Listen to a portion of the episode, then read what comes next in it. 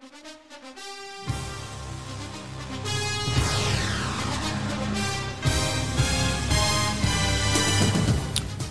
og velkommen atter til NFL-sendingsina av RAS 2.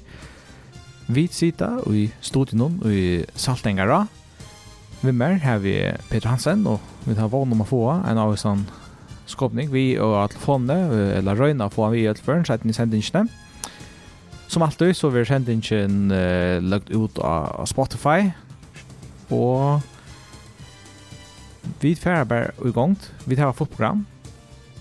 För det där var en spännande vecka och i, i NFL-spelarna. Rannick Underdogs som, uh, som vunne faktiskt av vanliga nick för ser som jag ikke Shishila. Tydlig vann. ja, ja, det var Underdogs nesten. ja.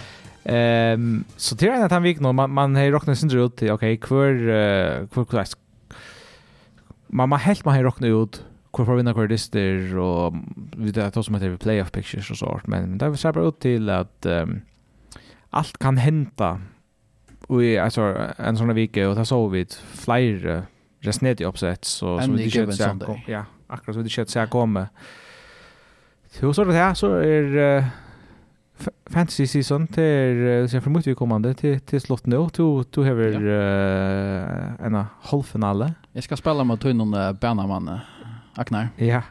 Jag har ordentligt nu eh jag plejer jag syns att uh, sitta och göra mitt fantasy research, okay, waiver pickups och okay, planläggning fram till vikna. Nu är det bara som tomledge. man ser ju det väl. Man sitter där och inte ja, gör det. Alltså frullet när man är till arbete så man också har en fancy li. Jag har inte gjort så stort. Sådana abstinenser här i Orlando och ringt att ska boja så långt. Jag har bara en del. Jag är inte så all in. Ja køyra. Jo jo, jag hade jag har akkurat dåligt karriär så just så att hinner som är vi ju här konkt det väl. Jag vann jag vann skitester, tappat 8 och jag skorade lugg ut 1000 steg. Jag finns 1300 mot mig. Jag skiljer ju ordentligt Gustav till. Men, men, men. Vi klarar oss i playoff. Det var livet då nästan kommer. Men det klarar det inte. Kanske så. Hur ser det, ja. To. Vi färdigt ut under grund uh, tog in. Um, skulle vi det kanske när ske ske någon och till er allt fancy lite chamber som förut ut skriver. Eller minne. Jag har kort jag allt tror jag att det var när och quarterback som blev skatt det chaser.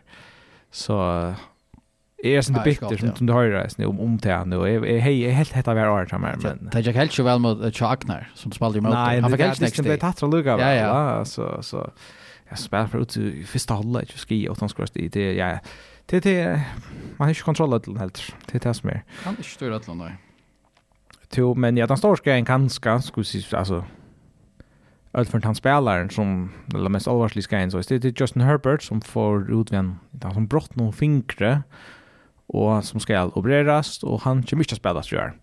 Nej. Men kappingar garage Chargers var eisen særlig nytt at hatt det her i vikskiften. Det er til slott, altså, der var det fyra og nudge nu, er det så vel og virlig ute av, av playoffs, så det er kanskje stå at jeg bare lukka han nyer nu og sier at jeg skal rundt at han kommer at gjøre. Nej, det är bäst för han. Det är bäst för mannen att han bara för fri och inte kämpa i jökna kan skriva som han gjort. Var det början i år eller en dag han sista tar varje lösning också.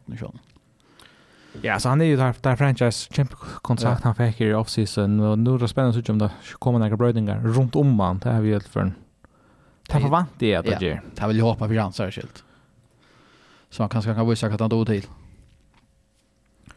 Eh annan quarterback som uh, för att skriva det var CJ Stroud som får ut vid en uh, hela skjolta och är i concussion protocol Ehm um, så det vet vi först sett ni vikna hur status till honom og är här till till vikskiftet där ødelen för en alvorlig bruk för för Sitch Stroud till uh, har en som helst chans om att att komma playoffs. Men uh, det vet jag så Mr. Texans eisne Will Anderson och Nico Collins og i distan och Collins får utvei någon eh eh skia utchuckan någon som kanske kan vara en sån Så det är en fibersprunging eller också så så kan det lättligen ha man ut i några veckor så måste tänkt det där måste tänkt det sista veckan och så nu Nico Collins så där blir jag just sinter trubbelt ut så där man vi startar skulle bli så här rakt jag ska igen Ja, vi var nog positiva tar vi tossa och playoff uh, kan kalla man det för skona så playoff uh, bojlagt i Jadamon men uh, det blir så jag väldigt väldigt ut nu ta Fyrste quarterbacken för ut och wide receiver 8 och 2 eh, omframt Will Anderson och defense. Uh, så det blir så just svart ut uh, Chadamon och det har varit spännande. Jag fyllde nästa vecka när om uh, om det klarar det om uh, Stroud missar nästa det så så tycker så är så är det här. Men här är det så rejält att det här är något som jag pratar om yeah. här och det är ett lovely som jag har Ikke et liv som var tjej og sex et eller better record. rekord. Ja, det er en Sex liv i AFC som ligger ja, i jant arbeid, så det er en ordentlig uh, mega-hørkapping her. Om att det är... Det hade vi inte att vi tog att ta sånt om för två mycket sen. Att det skulle vara så jämnt. Ja, det är helt otroligt på ändå faktiskt, ja. Uh, Tyreek Hill får ut i fjorda kvarter uh, mot Titans i en någon uh, ökel skia. Och är day to day säger man så det är alltså inte oklart om han spelar att vi någon och det är sjående alltså man kan säga av, av profilen någon så är han den största ja men det verkar kanske inte som om att det är en så allvarlig skada där är inte så bekymrad för honom men Sean det är han bara lutsinter alltså är ökligt 100 så så är Tyreek Hill ganska helt helt den samma spelaren så det är nog alltså att man nog vi upp mot det här på Dolphins hur aggressiv man är från efter typ man här är en ölig hög kapping om om eh uh, få alltså alltså är topp sidingsna i i AFC Och nu räknar högt i divisionen bra bra lene, men hinveien så häver man bara så han är bruk för att Tyreek är 100%, så han är han är den nästa viktigaste spelaren jag har. Ja, han är allt för mega alltså Linon och han är uh, altså alla har speed men han är bästa speeden och kan bara nekka helt exceptionellt særlig jo år alltså. Ja. Nu er det spännande jag vet om han klarar det så här. Som det är jag tar som för 2000 yards säsongen. Ja. Det. Till att Öklen är uh, nog så viktig parter som han har speed i banan. Ja, ja, men han har vill öppna det. Han gärna vill röka tøt, eh, 2000 yard så han är bara under 1600 nu och vi får det snetter. ja. så han ska han ska helst spela alla det Disney för att komma här upp. Men det är säkert kallt att det har görs då jag klart i att att spärra han tycker nästa det mot Jets. Ja. Det är trots allt mot Jets och där har varit två dister i mån till uh, mot Bills i divisionen. Ja.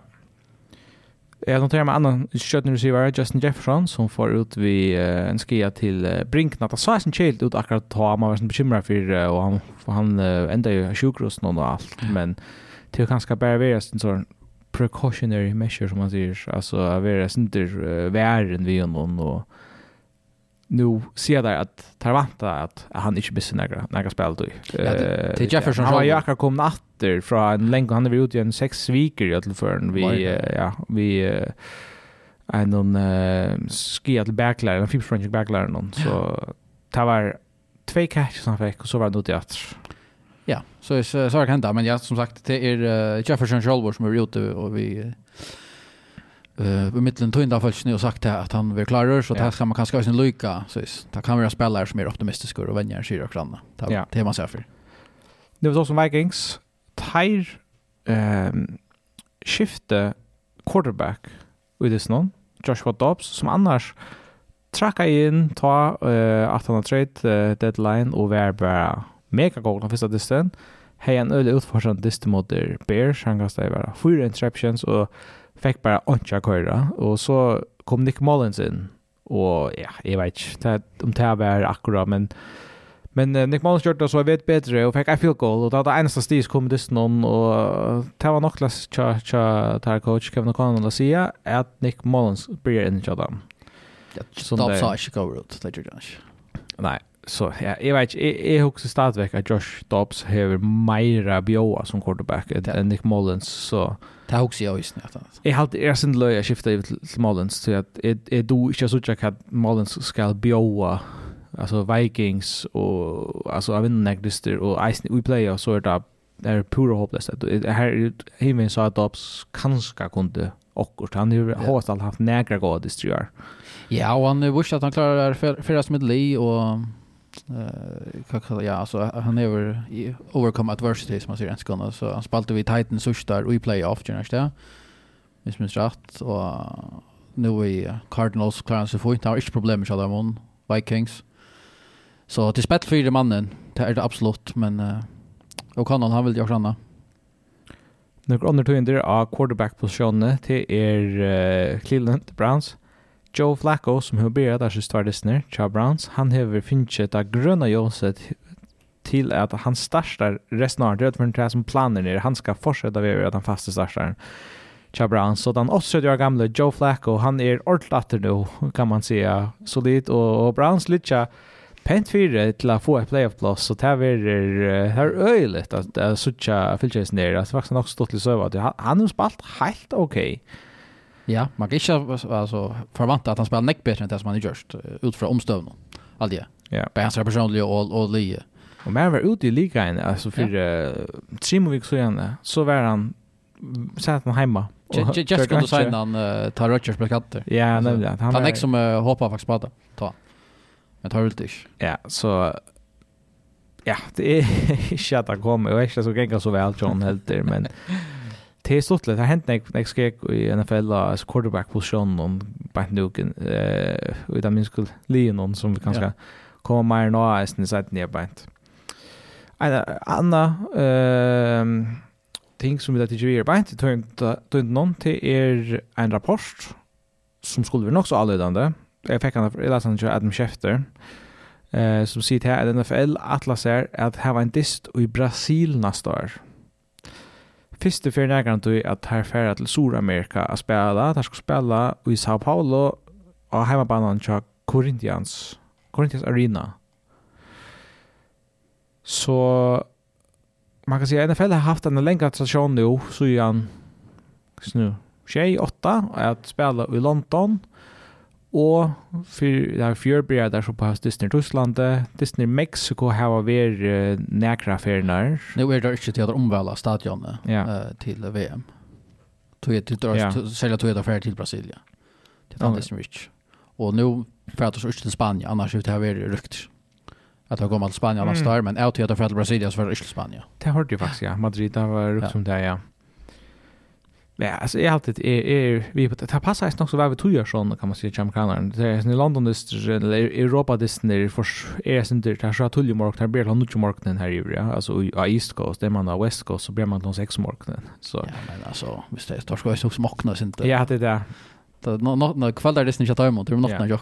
Nej, jag jag hade jag hade skäckt att London area så så så har man inte för alltså för blir London Disney ofta när klockan 6. Gör det? Ja. Det gör det för ni några. Ja.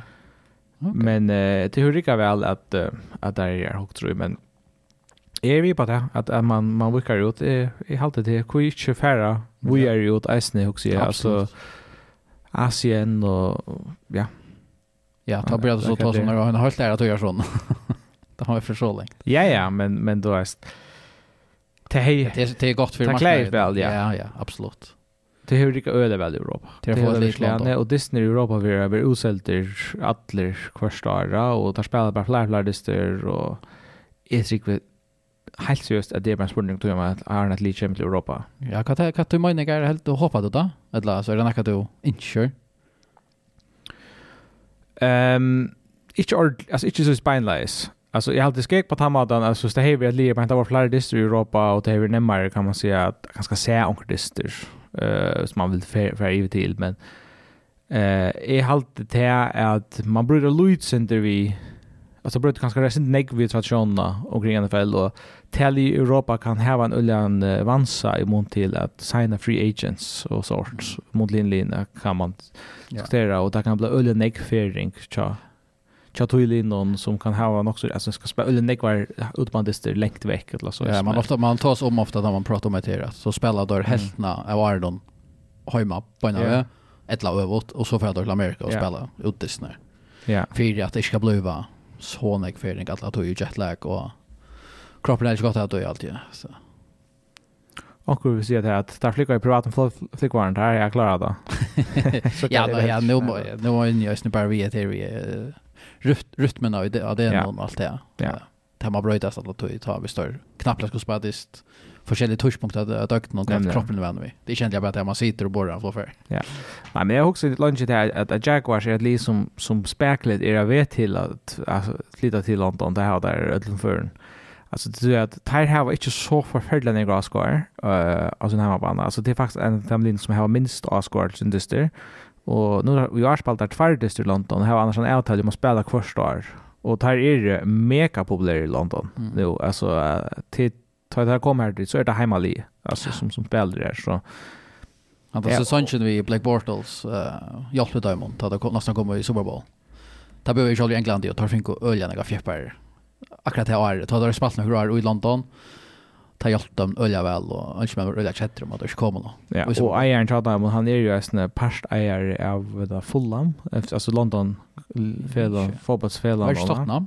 Nej, men jag kan checka. Jag kan checka på vad. Shahid Khan. ehm så ta förbindelse i reisen i Herbeint i middeltøy. Du vi fært oss om nægar dister som var her i vikene. Eh vi tar Ja, Det var ikke helt nægre rettelig gode distra skrone. Jo, fulla. Og eisne nøkker, nøkker oppsett, som sagt. For jeg tenker kanskje nøkker høvestist noen. Så for å begynne, vi distin mittelen Baltimore Ravens og Los Angeles Rams det var två li som hade jag synter uh, imiskar forsätter alltså Ravens ju uh, topp uh, i AFC och Rams strös om ett uh, wildcard plus i NFC som knappt blir pakka race.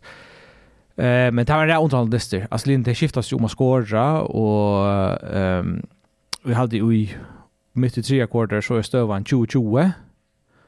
Så kom en sorts eh uh, safety här i alltså det var så snap som för Skype Ravens och Lamar han sparkar bollen ut en sån och så eh var det 22 Ravens svarte via field goal till 22 i fjärde kvarter och så lägger Ramsey åtta vid fyra minuter efter här i Stafford har ett touchdown till uh, DeMarcus Robinson. Och så kommer Ravens väl åter vi har fått rätt sist och skora touchdown, two-point conversion, lägger sig 8 1-38-20 vi omlai en minutt etter, men det er nok til at Stafford kommer etter ved et field goal, drive, januar, uh, distance hender han i overtime. Lini skifter oss om her bøtten enda fyrir parst. Og så enda distren på et punt return touchdown til Ravens. A walk off return touchdown. Første distor uh, Tylen Wallace var uh, punt returner. Ja, yeah. Flott av honom. Otroligt. Jag kom in på andra maten, så jag var entré. ja. Det det hade jag snackat ut som är stort lite vi overtime-reglerna efter vi att då är så det touchdown och så slutade det sen bara på inte alltså så det blue det walk off. Ja. Det som man färd här. Det det det här som säljer känsla. Det är till så men en uh, väl tilltrångter skier tja, tja Ravens för att ta som tarfist. Uh, är helt att Lamar Jackson spalte en um, en goandest det må jag säga, alltså han hejer 300 och 16 passing yards, 3 touchdown, en interception, och han har flera jubkost, han faktiskt kastar i nudge färnar över 20 yards. Alltså helt av var 3 eller 4 kors kast han hejer i distan som var ett längdkast. Det är inte ordentligt här man vänder sig från från Lamar annars men men där rycker ju väl alltså och han fick uh, sin touchdown kast kom upp på upp på sin längdkusten och så gott en resa en interception. Ehm um, och det ser ut till han säger receiver Eisne är blir att steppa upp alltså Odell Beckham hej att heja ett ett längt touchdown här han tar en sån uh, gå och rota han sett sin man och skorar. Det är som som, som den gamla Odell alltså chatter. Ta dem mer så är det väl. Och Say Flowers eh tar first round rookie han han ser ut att gå ut. Att det öliga gott drive han skorar ett touchdown och two point. Ja. Helt fantastiskt. Och att man säga, där blir Alujas Cherrins kan man säga. Att där har varit ett allop som som fungerar väl, Lamar spelar väl. Receivern step upp och running game fungerar väl. Men så reis nu helt under det här, där här ni har ett topp 5 defense. Så jag också spelar det bättre. Alltså Ravens är det här er det her kommet her til nå, at man skal sitte her som favorittene i AFC? I halta, ja. Uh, Dolphins tar er og synte og forsvinkende til Uh, hade jag alltså det är alltså toppnivå i Chadamon är öjligt men tar klart bara leverera en någon en jämn nivå här uppe. Uh, Chiefs är vurs nu att det är ordentligt att det som vi känner där fyra och Jaguars tar samma tar tas om där för två veckor sedan om de kunde få första stäv i första sid till halvtid vi kunde skruva där nu. Møllagen er der, men altså, nu er han nok snakk ut i horisontene, og Raven, nei, Jaguars ikke spalter det vel. Du er ikke hvordan man ordentlig skal teka Ravens. Uh, det virker bare stabiler, uh, all round, og som du sier, defense spalt godt alt der. Defense wins championships, som man sier. Og offensive er ordentlig, trakker kanskje Ja, altså, hvis man skal samarbeta, alltså Hudde Dolphins kanske inte akkurat kommer att happy på så är man kanskje lettere kunne haft en diskussion då. Men uh, det är inte riktigt att säga något annat är er topplig, bare nu i AFC. Alltså tror jag att som sagt, tar här var allt som rycker och alltså vi vita god skola Mark Jackson är.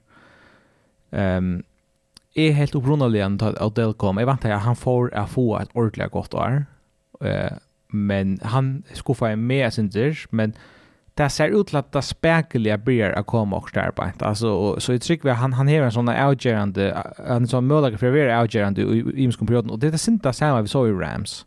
Ja. Jackie är själv. Och så knappt så började det rycka. Och i playoffs var han faktiskt mega viktig för det där. Han var påstand för, hej han är inte för ut vid skia i Super Bowl, så han potentiellt var Super Bowl MVP. Ja. Ödla för i fyra hållet, ta, ta varan på det här tidspunktet kan man så säga. Men ja. Um, Sean där Mark Andrewskin han är han chelier men men ödli hava skier nu som är chelier. alltså så till till i alla fall liksom mycket hava det Tyreek Hill Sean Dolphins. Ja. att ta er alla samma skier ner ja. Achan han var skatter för jag ja. Ehm så i allt det där och jag vill se att at att alltså Ravens move verkligen føler at jeg, jeg hette i år her vid her chansen. Alltså det är nästan alltså så också Chiefs sucha alltså är det att det där vi har sett där. Och alltså så är Mahomes tog över. Eh Burrow är ute, till Bengals. Bills är längt veck. Öll hin topplinje som annars har varit det sista året. Det har tagit att stå.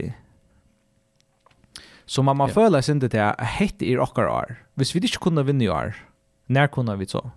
Så da blir det sånn press på den måten av Dolphins, på, altså av Ravens. Ja, jeg lurer til at jeg heldig at Tarmo føler til at vi vi eier å vinne, altså vi, vi eier at føler at vi er favoritter, og vi er det beste livet på en. Det er alltid det viser, ja. Det er øye all-round goer som vi sier, og det har ju så utspørsmål alltid som uh, som uh, Dolphins over, som er då tar närmast och contenter på nu. Ja. Uh, Och så tappar mot Bills och Chiefs och, och Eagles så säljer två oss ner mot Bills och, och Eagles såg inte pen ut. Uh, Tja Dolphins. Yeah. Uh, så till det här, till det här man vet, säljer tar alltså kvar utsvinchen kunde vara för stor och så möter man den mm. och så vinner de 20 halvjärs alltså. Ja.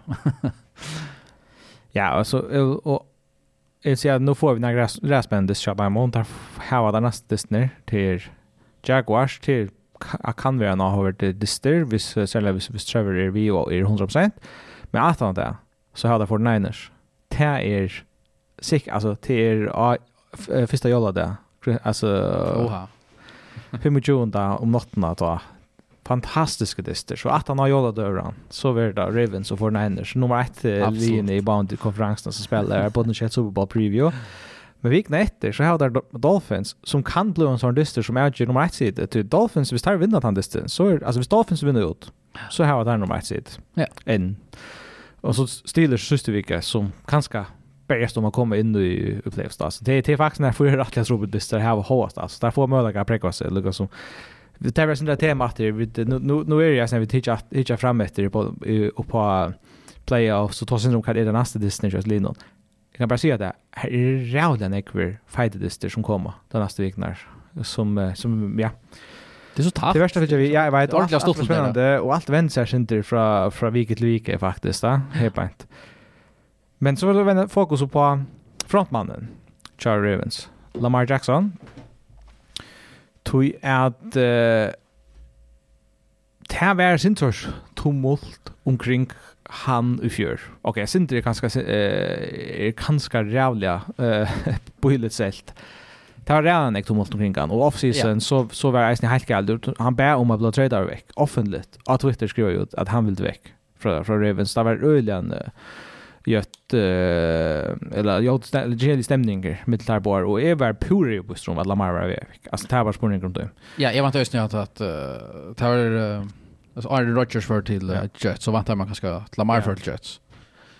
Ja, så här väntar jag höll sig framför oss Bra samt. Ja, och vi har kanske något att vi Jets av det här närre men alltså jag har alltid där vara Lutz inte sort collusion mitt linje i NFL, att det var sämja om och inte signa Lamar tror att jag inte blir Lamar fått garanterad kontrakt. Vi vill ju skriva spelaren där. Ta pasta det. Det är alltid östra fint. Det är pasta det att att här har Jason Samuels för en kampanj så vi är helt eh lowly. Men det är ju coola Lille Nigeria så samma som Rick men jag aldrig östen funnit att det Ojeva spelar någon fullt kan det kontrakt. Men jag han fick han få kontrakt hos allt men tar nej nej ja signa en kontrakt men men Lamar hur vi går görs och faktiskt så det nu för jag gör nu har tagit sig vid ordlet om MVP race i Sustvika. För Egypten in at MVP-prat hesa vikna. Ta kunna vi kanske gå hemma.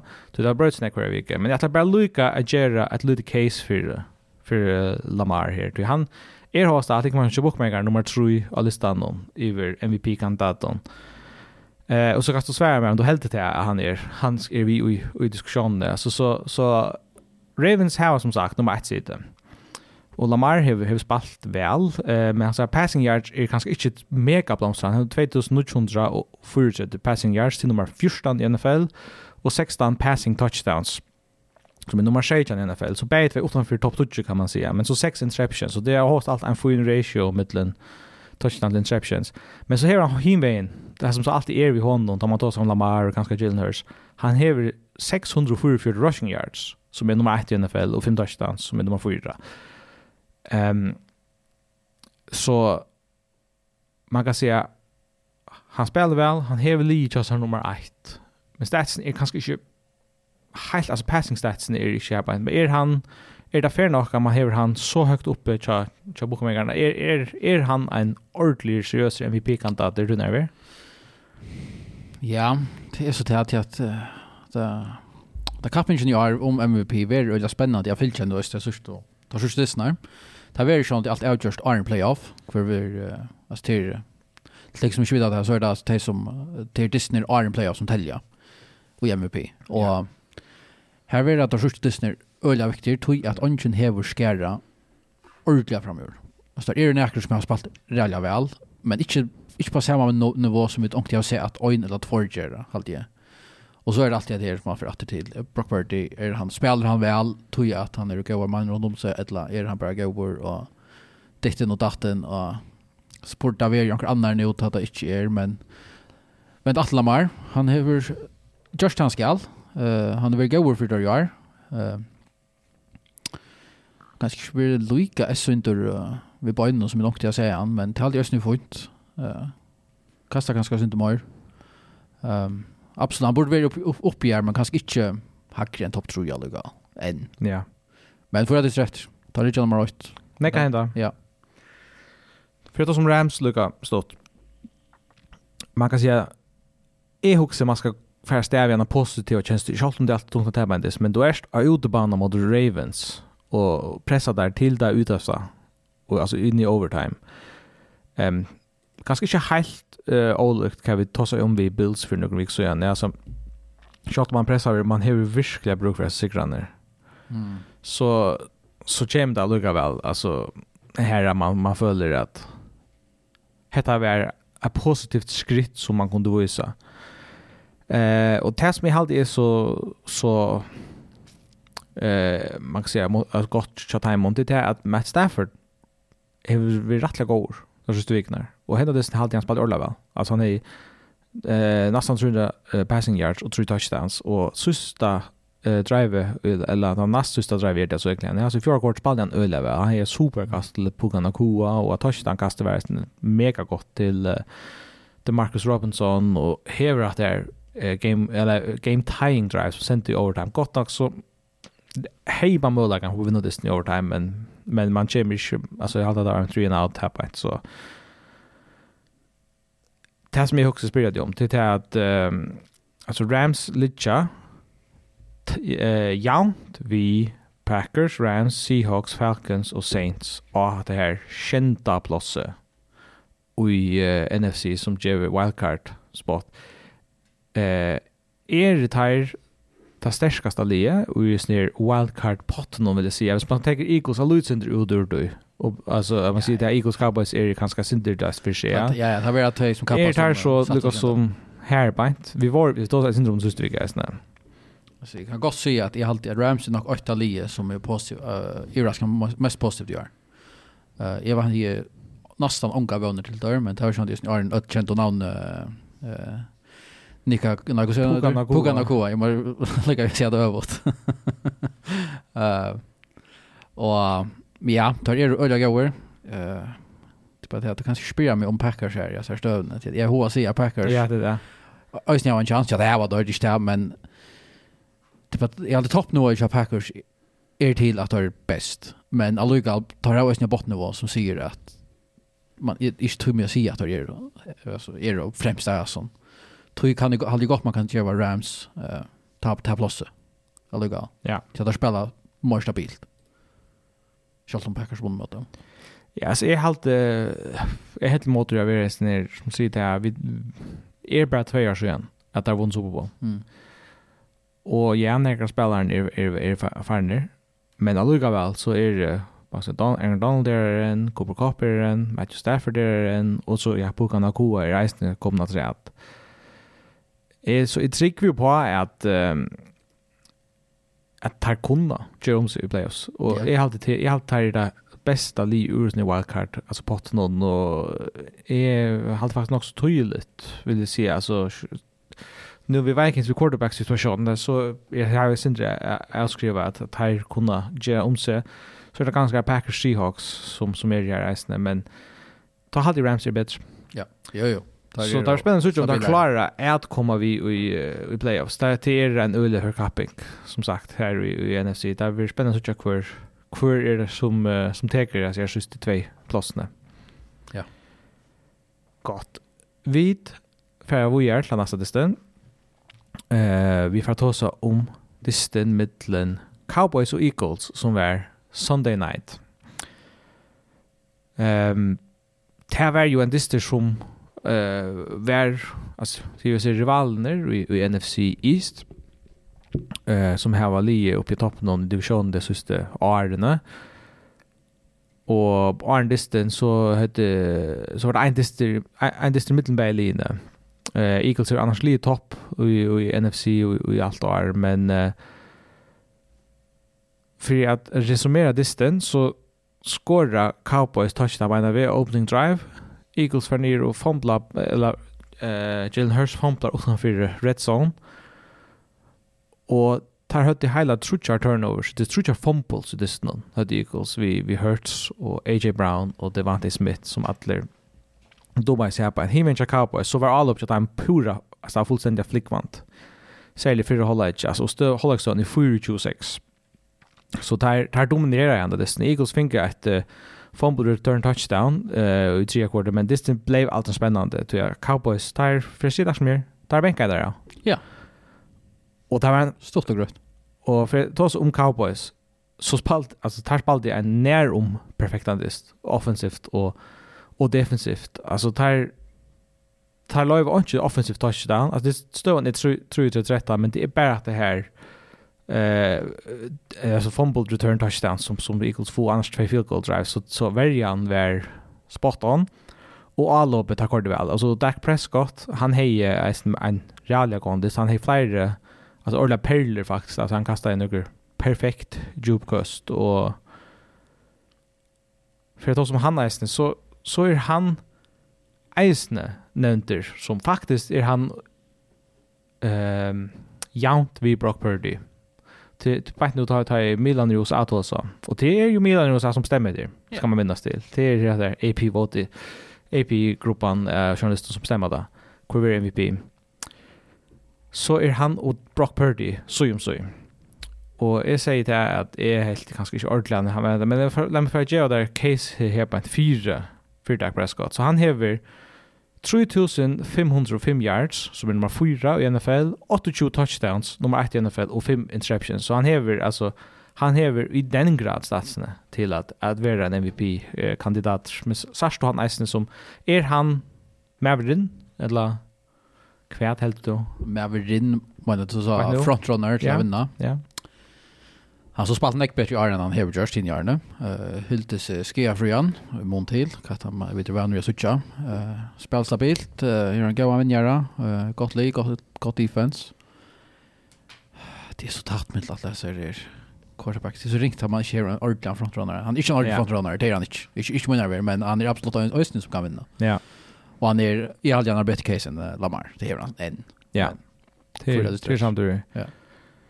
Um, jeg, jeg, man sier som är att det var inte jag visste inte av att eller jag tror inte på att Dak Prescott hei etter nivået jeg spiller, som han har hørt göra alltså i fjör hei han mest interceptions i NFL, men jeg. Det var, eller, eller för per game, eller, också han var, han var skatter, eller, han är redan en interception, jeg över faktiskt det i offseason, og, eh vi har stått som heter kanske att Dak ska vara då bättre där man ska se och men men han har faktiskt klarat spalt extremt väl. Well og i større mån gjør store plays og samstundes avmarska sin feiler så, så han, han har vært, vært øyla god, så det det skal han ha størst rås det.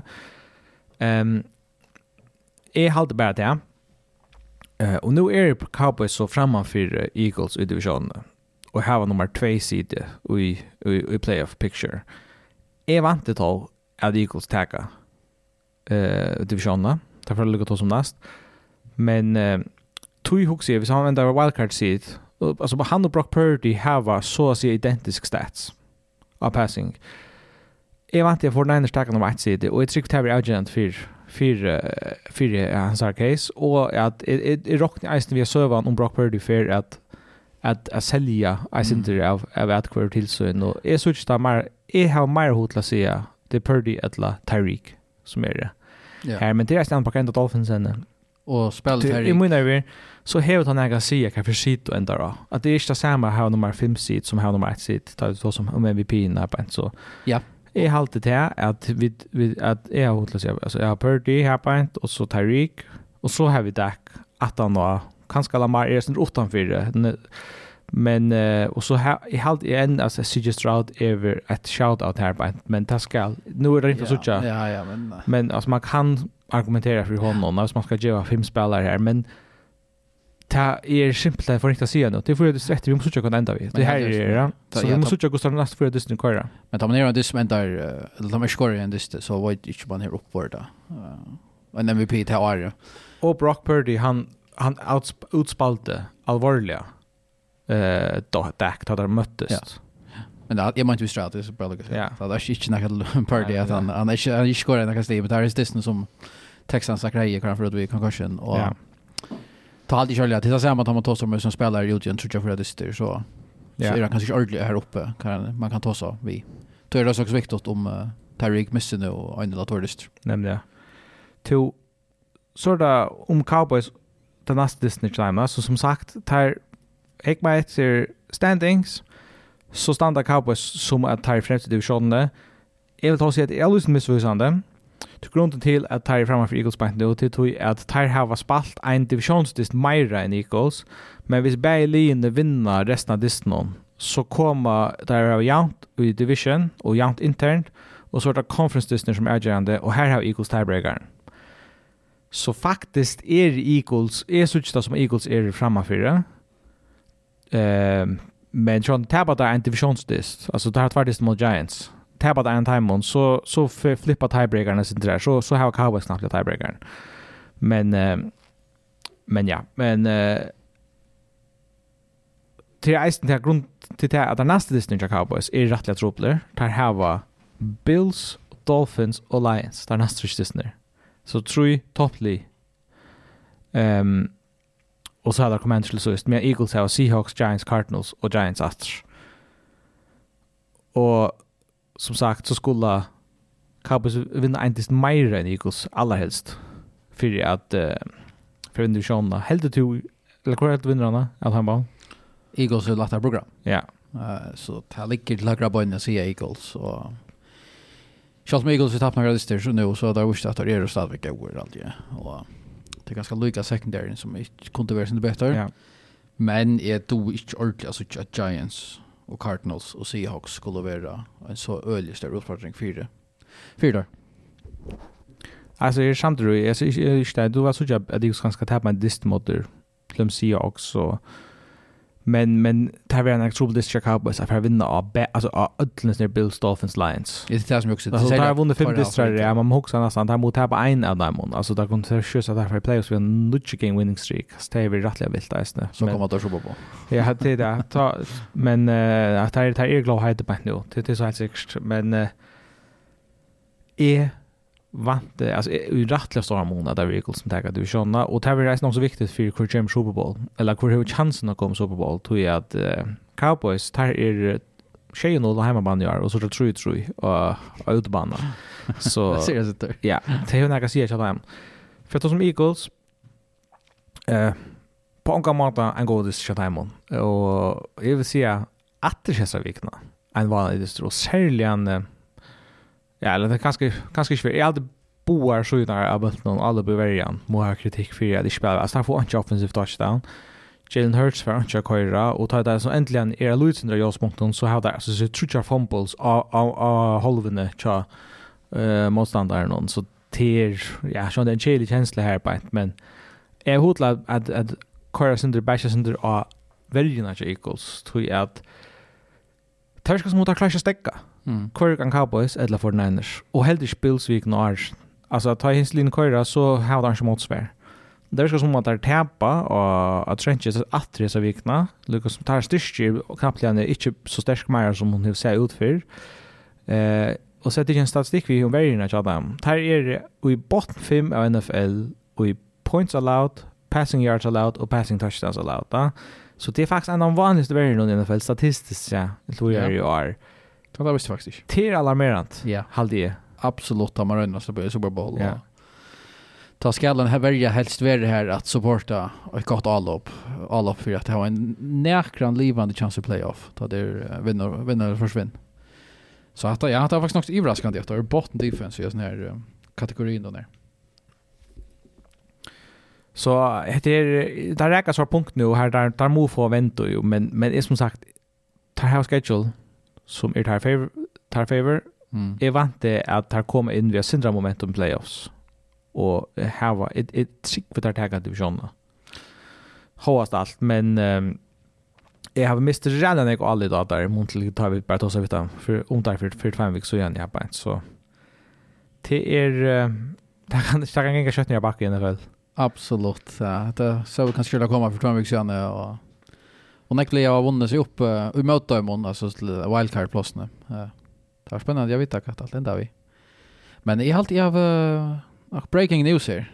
Uh, vi tar om uh, det i, uh, i Brasilien nästa yeah. år. Nu uh, stämte här, jag läser jag uh, Guldklot. Uh, att NFL är, uh, tar av vi teacher från om två år, i 2025, att de spelar vantade nutjodister utanför Amerika man vet att tar själv vi ut sagt 8 men här här ser det rösten till att ser skrivet han är att NFL ständer för Ötlandiston 8 till Jaguars. Jaguars styrde till själv. Okej. Okay. Tog vantade där 8 plus han nutjande som är Jaguars. Och här vantar man nog uh, vad det? Fyra i London, två i Tyskland, kanske en och en ärstannes och så uppe sig och så kanske två i i Mexiko och, och Brasil. Så det var väldigt spännande. Jag får nutjande dyster. Uh, och så tar han Nick Floyd i Europa. Det står det. Jag måste bara nämna det. Det kommer ut nu med vi sända. Ja, och det som där sker på är att Lien är färre att från missa en heimatist först åttonde år till att kunna färra till att missa först fjärde år. Ja. Alltså där ser faktiskt fördubblar man till av av av distans som är i spalter utanför hosa. Ja, så nu har det Lien är spela kan så blir det kanske andra korsar att Lien ut spela. Omkring utanför. Det kan kan riskera det, ja. Uh, ja, så hvis det er noe dyster så er det li som får ut å spille, eller sannsynligtvis så är han li som som spille flere for när kanske. Men det er just det där som li har kanske just bättre hoa affär åt landa till Dömes Jaguars tog jeg at jeg kunne få billettintøkner fra nesten 50 000 avskåren i mån til uh, Luigi i Fjørst i Florida. Uh, til Line som färre åt til till få alle puljerna selv, Uh, og i sin pengekassa, i mån til har man distribuerat NFL skulder 11 en procentpart och i en, fel, en felagspuljer ta ett här såna gott drive fra få li utlanda. Ja. Så jag var när jag såg John Packers shot efter. Det är bara very öjna för det och sist då att tala var det var i London eller något. Åh, en grej. Jag vet satt också lunch om Fairfield men men tar att spalt mot Giants men Ja. Jag måste det. Ja. Tack några Men man är en föringur. Man är en föringur och det var mitt i flättingar till vinner så man kunde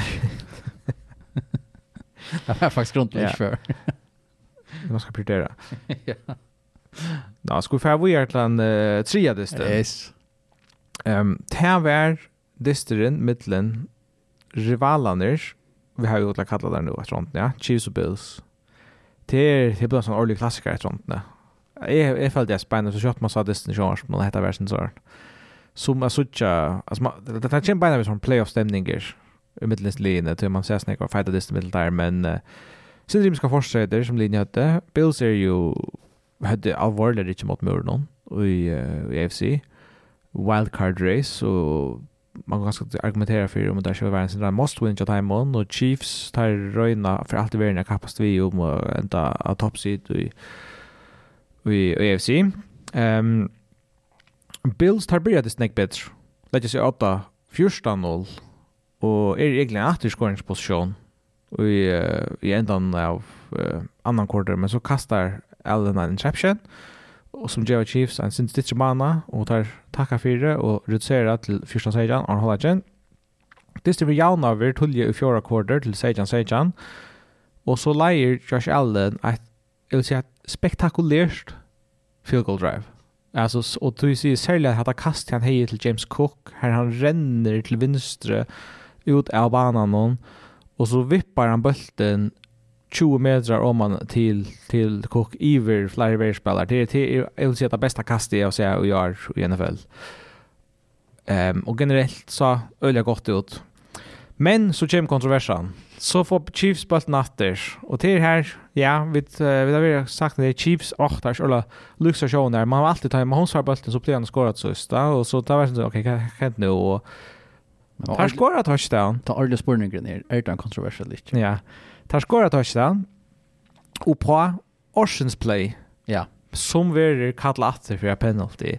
Till Mahomes kastar en juban boll till Travis Kelsey som kastar bollen. Alltså ut en ting om pura oplanlagt. Klicka deras Tony som är hinner med navöllen som är pura för en inskott och en sort ordligt rugby play ett la sort na fake play det kan det vara alltså när man sa det live måste bara wow det är starka serier men Tans mer det där Tony han var offside at vi ble noen, og tog vi da kallet atter, og Chiefs tar uh, enda faktisk vi, jeg var minst ikke at det var third down eller second down, men tar vi et for en posisjon her der, skålet sin langer atter, og megna faktisk ikke få en first down herfra snast, og, og tapadist. Og Mahomes var sväger att han hade. Ikke bare over. Han var han var simpel alltså jag känns så här för och eisne, och och skolt i i presskonferensen att han var så var han eisne helt uppe i köra. Alltså han han säger att det var quote, alltså the wildest call I've ever seen. Och Luka var det rätt call. Det ser det inte. Ja, och det det så där man kan säga Tony Stenter offside. Det är tydligt. Det är präknare i arbetet.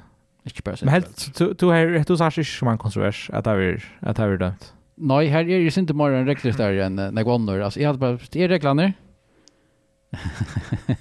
Jeg synes ikke det.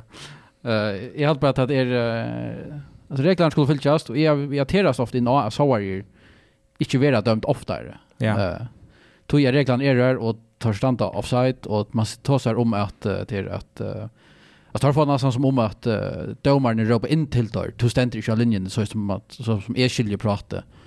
Eller som är lästa att att säga att domaren säger alltid ifrån och tar säga det men alltså tar till spelaren själv som spyrja stand jag all linjen lite. Mm. Och han ska inte vara en guide och säga något och sen 20 cm off alltså tar sig jävla något och så måste jag från där kvart center.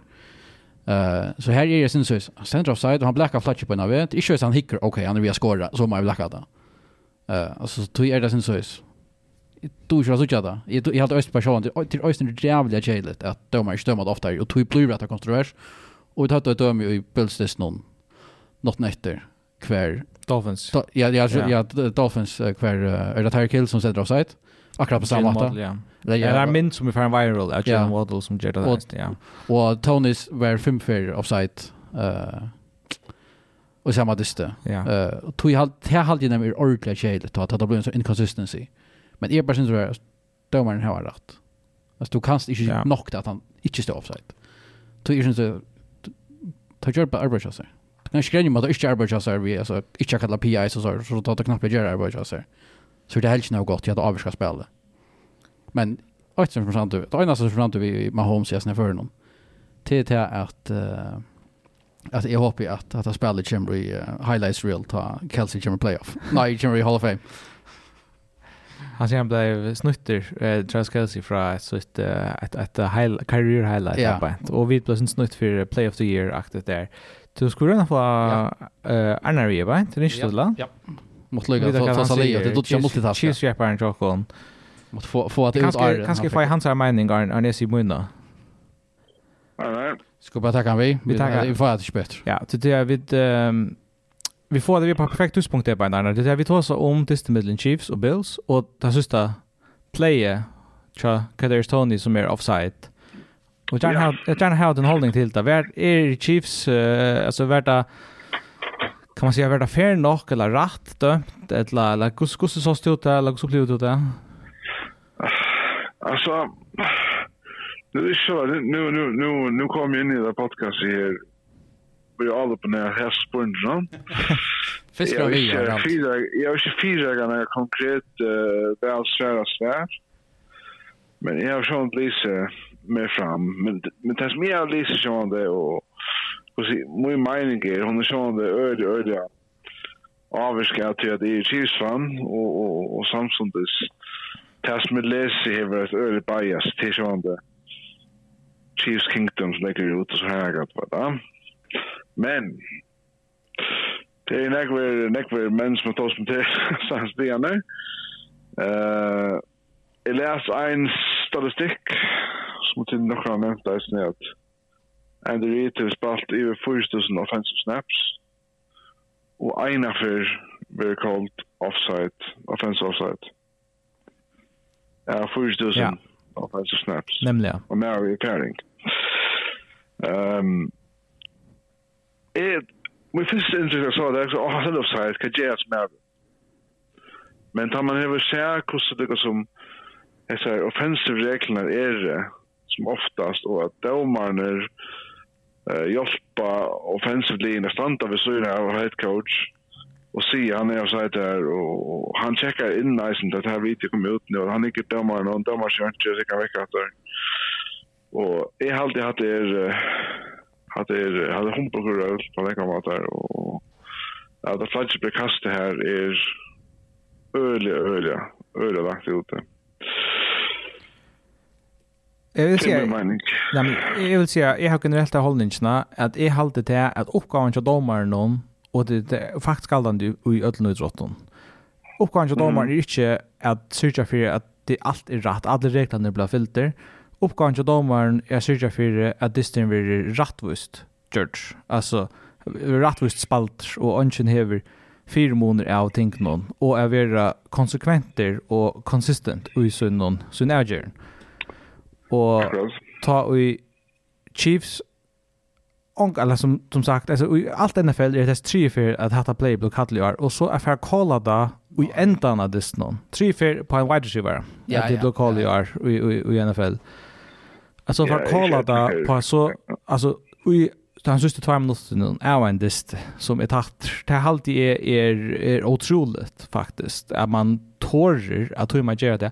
Så Sjåan det blodar bara sånne värre att det är så enda vi ska ta touchdown på det play. Det är inte, det inte värre det. Så hej man kanske inte tås om det. Så det är inte tydligt så kontroversiellt i sig själv om det med det som, som händer. Men domaren är pjövast inte att kasta hatta flagg. Det är simpelt en onejot. Men hörde vi det skit här och ta sig akra vi motsättning och försteckning vissen ut till att skåra det är stäje. Nej. Och jo, men jo men nej men det är som det och så att han då kanske det inte skulle komma fram i det någon folk eller också sånt där. Men så att han också ha han står faktiskt offside. Borde domaren inte fokusera mer på det. Inte inte faktiskt som som hitcha reguljärt efter den fältet. Man man vet att det händer alltid under. Man är inte tals på att han har alltid hade inte player Jerry. Han har avskrivit spelare över. Shot the Thomas skorar touchdown här. Han ställde tjusen med fram med och tjusen med fram med avvirka, avvirka ikke at han ikke skal touchdown litt. Til hinne mennene som Kelsey renner ofte av play pleier, og Tony kommer så, så og fan han så fra honom. Til liksom, hadde ikke vi play a Jerry ur høver, så man er nok ikke tåsen da, Tony. Jeg hjelper at det er ferdig. Ja, hva sier du? Men andre man kan tåse om, til det at, at player at han har second 25. Passing the Van Midler. Ja, han har sagt, ja. Ja, og det har vi ikke kallet. Så det er är konsistens och om Ja, det er konsistens, det er det viktigaste. Leia det snär. Så skulle vi inte vi har fokus på nästa så han gjør en oppgave feil.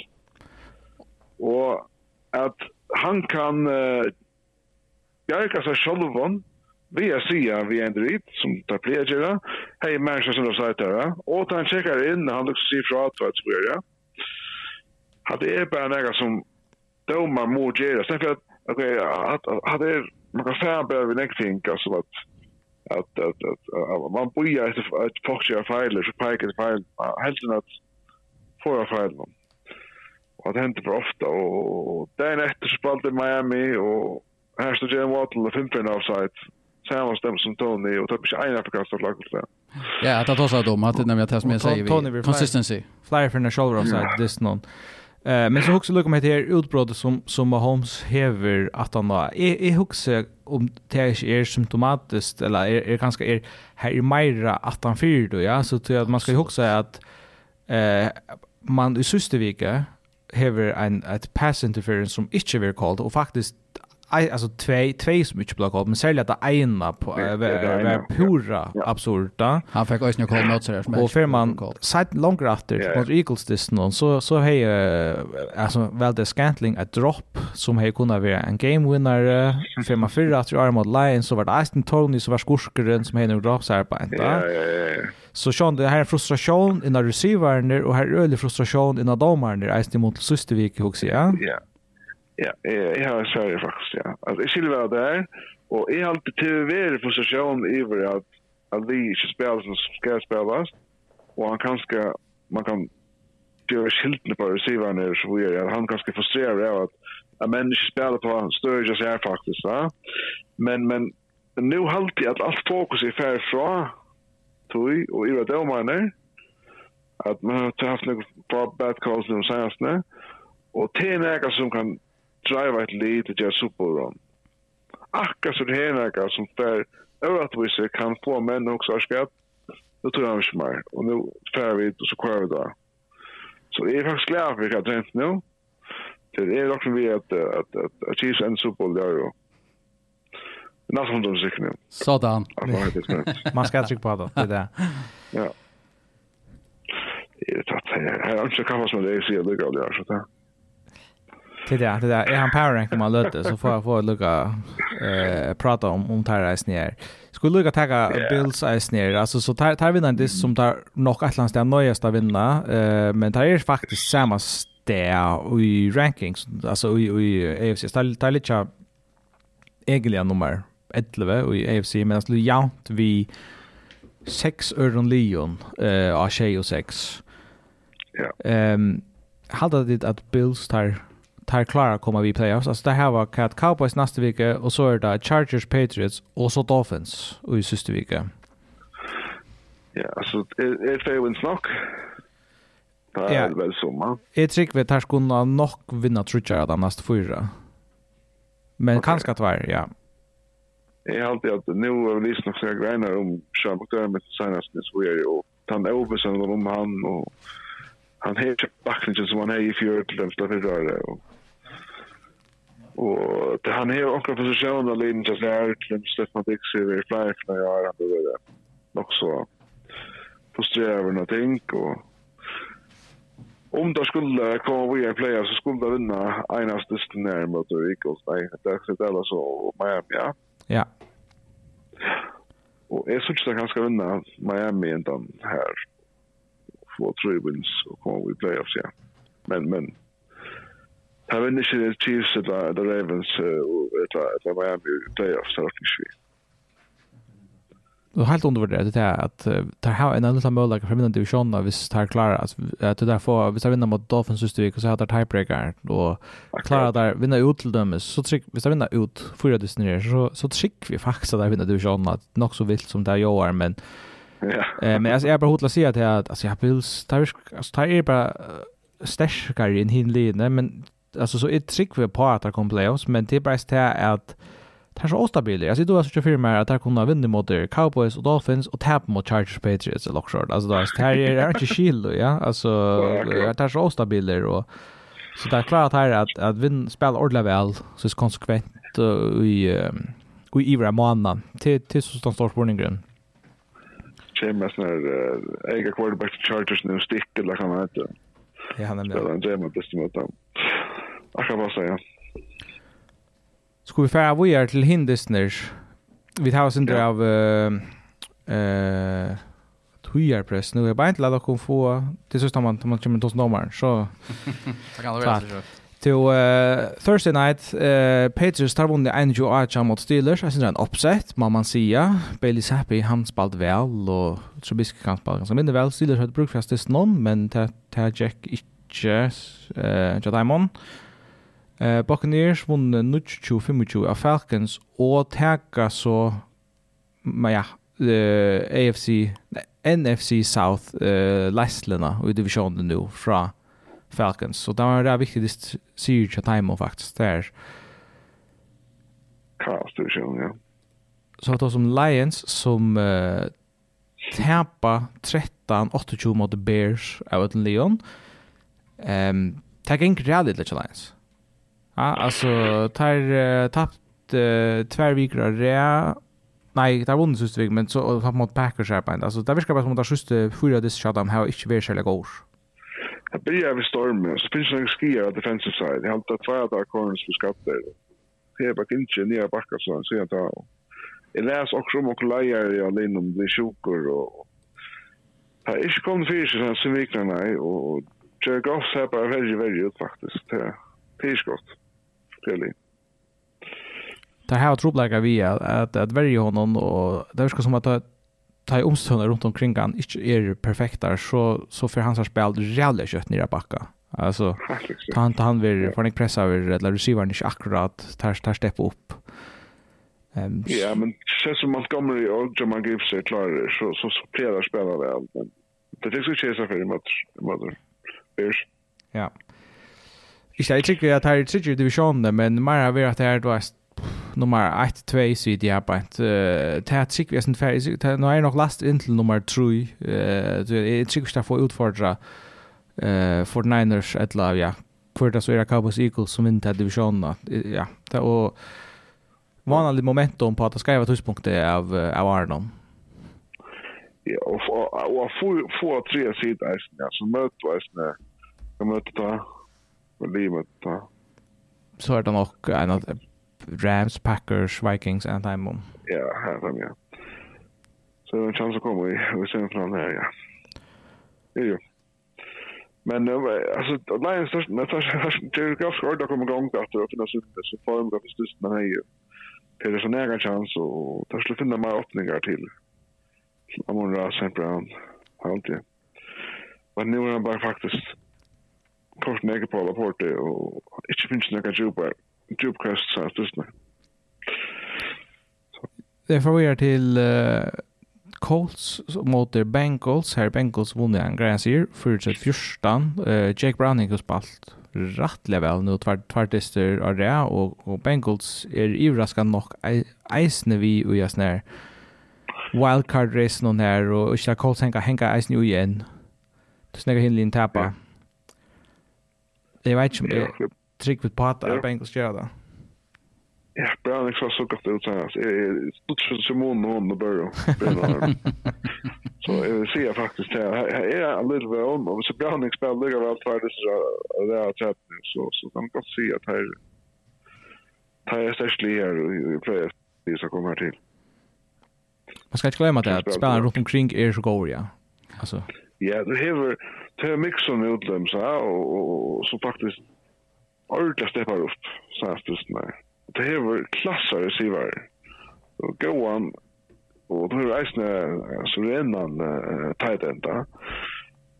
Att han skumt inte vara ringast där på vägen. Och fanslar men fastspalt bättre så att det där just just off yours. Ja. Här steppar men nog faktiskt för för till backup quarterbacken och Det är ju Joe Burrow, han är så i den här upp till och Nu sa han så det såg jag alla boxar så ut familjen så branding till det störst.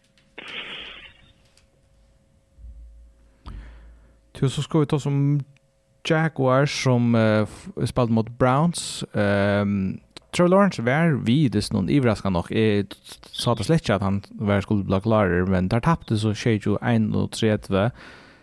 Eh, det var inte tatter som scorevis, alltså det var sån så backdoor cover som, som man kallar det för. Alltså, men... Mm Han ska Trevor Lawrence inte i skolan spela. Han var ju för inte 100%. Eh. Oj. Så tre interceptions, ja. Ja, det var en öliga vanlig dist. Han har tre touchdowns, tre interceptions. Kasta bollen åt Trush Werner i dist nu. Där vi en skatten öklig, ja. Ja, det är lättast. Ja, det var... Ja. Ja, så hade han det. Så Lawrence borde spalt och men helt så så förnäk om Jaguars, det är till mer om om Browns och Joe Flacco company. Det där och nu är det en chans att jag för hända vi är på inte Joe Flacco spalt. Spalt öliga väl och han så han som som, som sagt den största chatten och vi är i Arnon och Tar är ensamaltlös när femte sidan och nu vi är som sektion så spårningen är ja om tar han han ser så gott ut att folk har skriva ut att Twitter nu är extra snärt I see the square here on the leash around that room. Practice squad, man. We're signing up weekend. No, okay, yeah, yeah. Ja, ja. je er ikke 11? No. Nou ja. I halvtida? En uke ja. Ja. Om, om, om morgen, så det.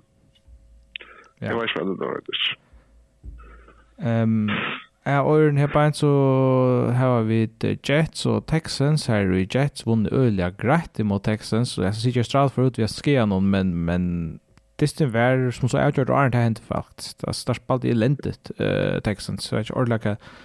Han mistet så eisen Nico Collins er i noen, men uh, det var, ja. Og Schultz, altså. Ja, det var det var en ölle vanlig distance charge att det hade vunnit den distance så att knappt lande vi vi i i i division där kan man säga men Det är det är där visst men det är inte så gång att jag klarar kommer i wildcard plus det är ett en battle här från härifrån och det är Jeg hadde Texas Ascension i Berka, og det var sterk så godt lider her var, og skår rookies og, og unga menn der her var. Jeg hadde tatt bare, nå spør jeg, spør jeg Stroud, CJ Stroud, og, og, og neste år. Og hukk som neste år gjør det player fram. Nå er det som, det har prekket seg nok vi har, og, er okkur vidar færa seg at ikke bruka sig til seg som ekko, det kan jeg seg skrive over, og få Collins i gang dator, og få, få Schultz og tenk det ut som at mastar og spyr. Jeg har lyst rundt at alle faktisk gjør til at jeg snakker med sin og jeg var sånn løy å sige, men øring skal jeg. Jeg. Ja, ehm Kvar lukka vi er her vi Vikings som en 3-0 mot Raiders.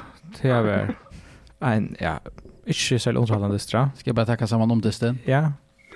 Det er punt, punt, punt. Missed field goal, punt, punt, punt. Holleger, punt, fumble, punt, punt, punt, punt, punt, punt, punt, punt. Field goal, interception, punt, fumble, distant lever. Faktiskt. Det en mist field goal der, men ok. Nei, jeg sier det. Det var nummer, uh, nummer fem drive, var missed field goal. Oj, oj. Kulturellt. Ja. Nå, eh Fortnite så ser jag också väl lyssnat mer mer underhållande man man ser schalt om Fortnite så vann nog så direkt 28 16 över Gino Smith var ute nämligen jag jag ser jag så och Fortnite tar tar ju det som där där har Josh där sista veckan där tar tar kör bra och eh tog så nummer 1 sida vi syns i någon i NFC. Annars så har vi, ja, Broncos tar vunnit 4-2-6 mot Chargers. Har verja dominera i Chargers fra, fra början av och så får Herbert Eisen ut vid skia alltid omkring annan quarter cirka här. Um, så det Monday night. Här hade vårt färdigaste sen. Jag helt uh, det var sin speciellt men uh, det har kommit ut av allt från det. Det bara Disney var så mega spännande. Alltså för Blue Outjorder ut till det sista, alltså i sista löt, ja. Um, Titans och Dolphins enda i rævlig ibraskande vi en sikre til Titans 28-26 28-26 Harry Dolphins er framfor vi fyrstan stion ta et trutjmonster rett av distan altså det er faktisk utroligt at tar ikke vinner av distan altså få der touchdown two point conversion kick off och få bollen att beina vägen. Till Dolphins för 3 and out totalt sist. Och för upp skora touchdown och extra poäng lägger sig åtta och Dolphins klarar inte att eh är svära att ta. Och gott Tyreek Hill ute, men ja. Så jag hade jag helt out Dolphins. Alltså nu tar man er annars vi och löper i arbetet och i Tushon så man får sig jävla illa om man tappar sånt dist. Ja, det är bara klassik, klassik Dolphins alltså det här. Det här bönorna tar upp och så fullständigt chockade vecka. Så det är, eh, om, alltså, ni ser som, som du beskrev samman, det är att är det också ett bärnastik och så så kommer det att egentligen de tappar till playoffs. Vi får såklart... Vi får såklart när Bäckfjärd är rätt ut i playoffs. Det är fruktansvärt jävla um, Ganska. Hindistren, han var eisen rätt spännande. Han, han blev outgjord på ett last second field goal som Giants vunne 4-2 mot, mot Packers. Här var eh, ja, det var spännande dyster. Nek, nek feiler cha cha bavon li och nekligen. Alltså Packers hade nek tullig dyster och Giants hade verkligen öliga, öliga kritiska fotboll och i mot ändan av fjärde som måste kosta öliga dörst. Men Tommy DeVito följde förde ett game winning drive och han har vunnit trutcha distrar. Ja, ja, italienaren. Eh Teo Teo Teo sa gott ut. Tar uh, knappt Giants entist ut ur playoff spot, men uh, alltså Packers hade visst bruk för sin sektion. Man ser man vinner mot Green Bay och nej mot Chiefs och så så tappar man mot Giants så det är sån så åh.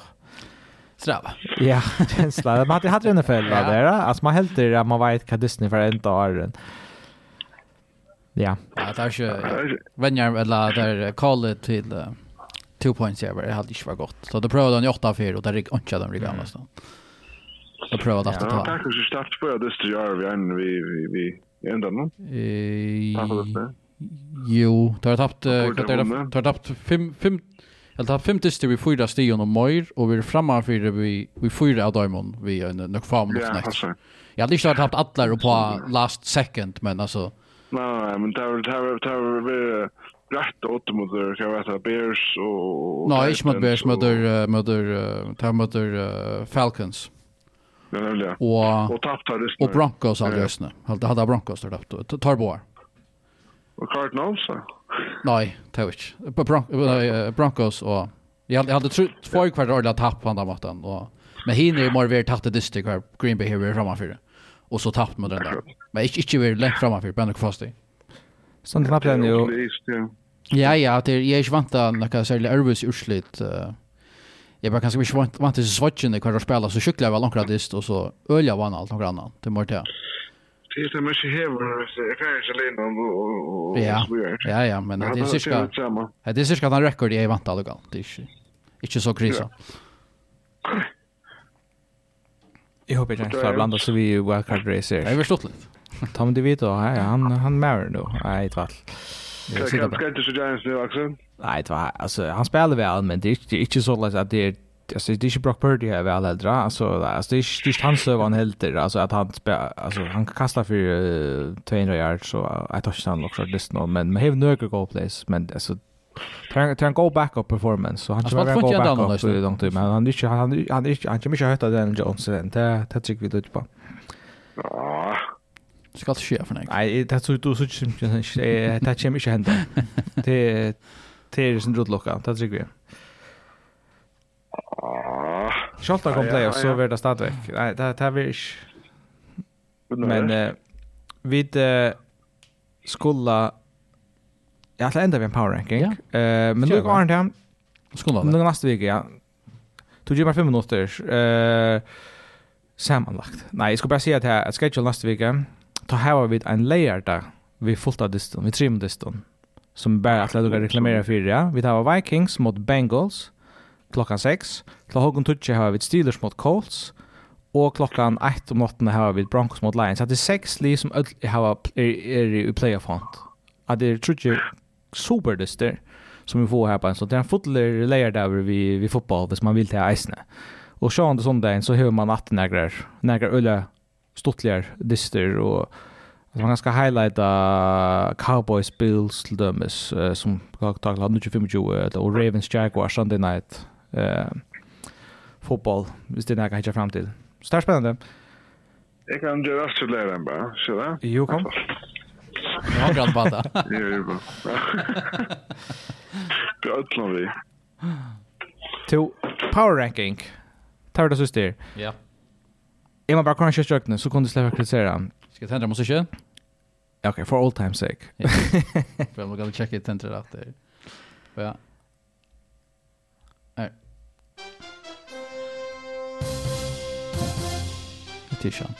Det är ju. Det är Jo, eller? är det? Så så bra. Ja, det är mot Corley kom i Super Bowl. men mest likely kommer jag på inte nummer 5 så har vi Philadelphia Eagles. Ta har vunnit av Nikon gång i NFL eh och är vant att komma vinna NFC East. Ta har att ha tappat för det större och så det så gångt där rejält lite Chavern i Chadamon. Nummer 4 så har vi Miami Dolphins Det här det mest explosiva avloppet i NFL. Eh, bästa wide receiver pairing vi har Tyreek Hill som är en MVP-kandidat där. Waddle är där. A.J. Monster som running back pair. Ta, ta gonger... Ta det gonger vi alltid offense, så gonger det rævliga väl. Men vi manglar en av sådana där vinna av dem. Gålinon i NFL. Nummer 3 så har vi kors Dallas Cowboys. Det här är egentligen kan man argumentera för hetaste liga i NFL. Det har vunnit fem distrar, ja. Till det högst skorande allop i NFL och så hade Eisen en största värje. Grundligt hade hackat det tror jag att Eva, det tar enda som har varit liv. Och så står det på att han klarar vinna för det så i playoffs. Som, som så. Men uh, nummer två. Baltimore Ravens tar topp 5 i NFL och i, i offense och defense i scoring. Och jag vant att ta tagga nummer ett sida i AFC så er det nummer ett. Jeg husker at her er her, her jeg blir jo i Taimon og det var en kniv om at for Niners er det sterkaste li i NFL. Det her var toppspillere ødelig posisjonen. Brock Purdy er MVP på et nå. McCaffrey, Debo, Ayo, Kittle, Trent Williams. Tar har det beste verden i NFL i scoring og er nummer 3 i NFL i offensive points. Så tar må være nummer 1 må nærmere. Boom. Stort og greit. Veldig godt. Onkel manglar arbeid helt er, er den her ganske... Jeg var skatt officer, så jeg kan Ja, det var godt, ja. Tjus og. Ja, jo. Tar man tapper i anka dyster, så, så blir man nylagt for det där. Men tar man tapper mot uh, Titans, så mest nivakt. Nej, det är synd det sån sån alltså fantomtäp eller kan man så kalla det så halt är det district offense att här där är det ju framför och så så händer bara sån snett ting så just där tappa men det ska man ju där sen straffast för det. Ehm tar i oktober vi tar komma nog att spela hemmabana i i första och är runt i i playoffs och jag vet inte alltid Chiefs har sett förbannade ut utlojer gör. Jag kände Charlotte och allop tjata man är eh så en annan statistik om att det var under 20 sti och i 60 stund år annars hade det varit alla eh alla hinner fem år i samma home så han bara just där sex färna sammanlagt. Ja, det där. Vi tar defense gör och till defense vinner playoffs just där. Och och tar det här som samman så där. Har vi något gott. Ja, den är vi med string till, till power ranking här. Eh, snitt. Nei, jeg hadde ikke. Nei, jeg hadde ikke. Ja, det var godt aldri. Ja, men så, på en rækk. Så blir jeg vidt vi, mm. så enda vidt vi en sånne på en gång stämning och lugga. Fantastiskt. Jag ber jag ber sin slash och lugga. Ja. Att man tar det så där. Ja. Kanske nästa för. Tog tog in chocken hon vi är hon är färdig. eh så vi vid är slått helt bänt Takk for det at du ville lusta, og som alltid så er sendingen å høre av Spotify. Ja, vi tar oss. Takk for det, Sver. Sånn, vi tar off. Ja, det er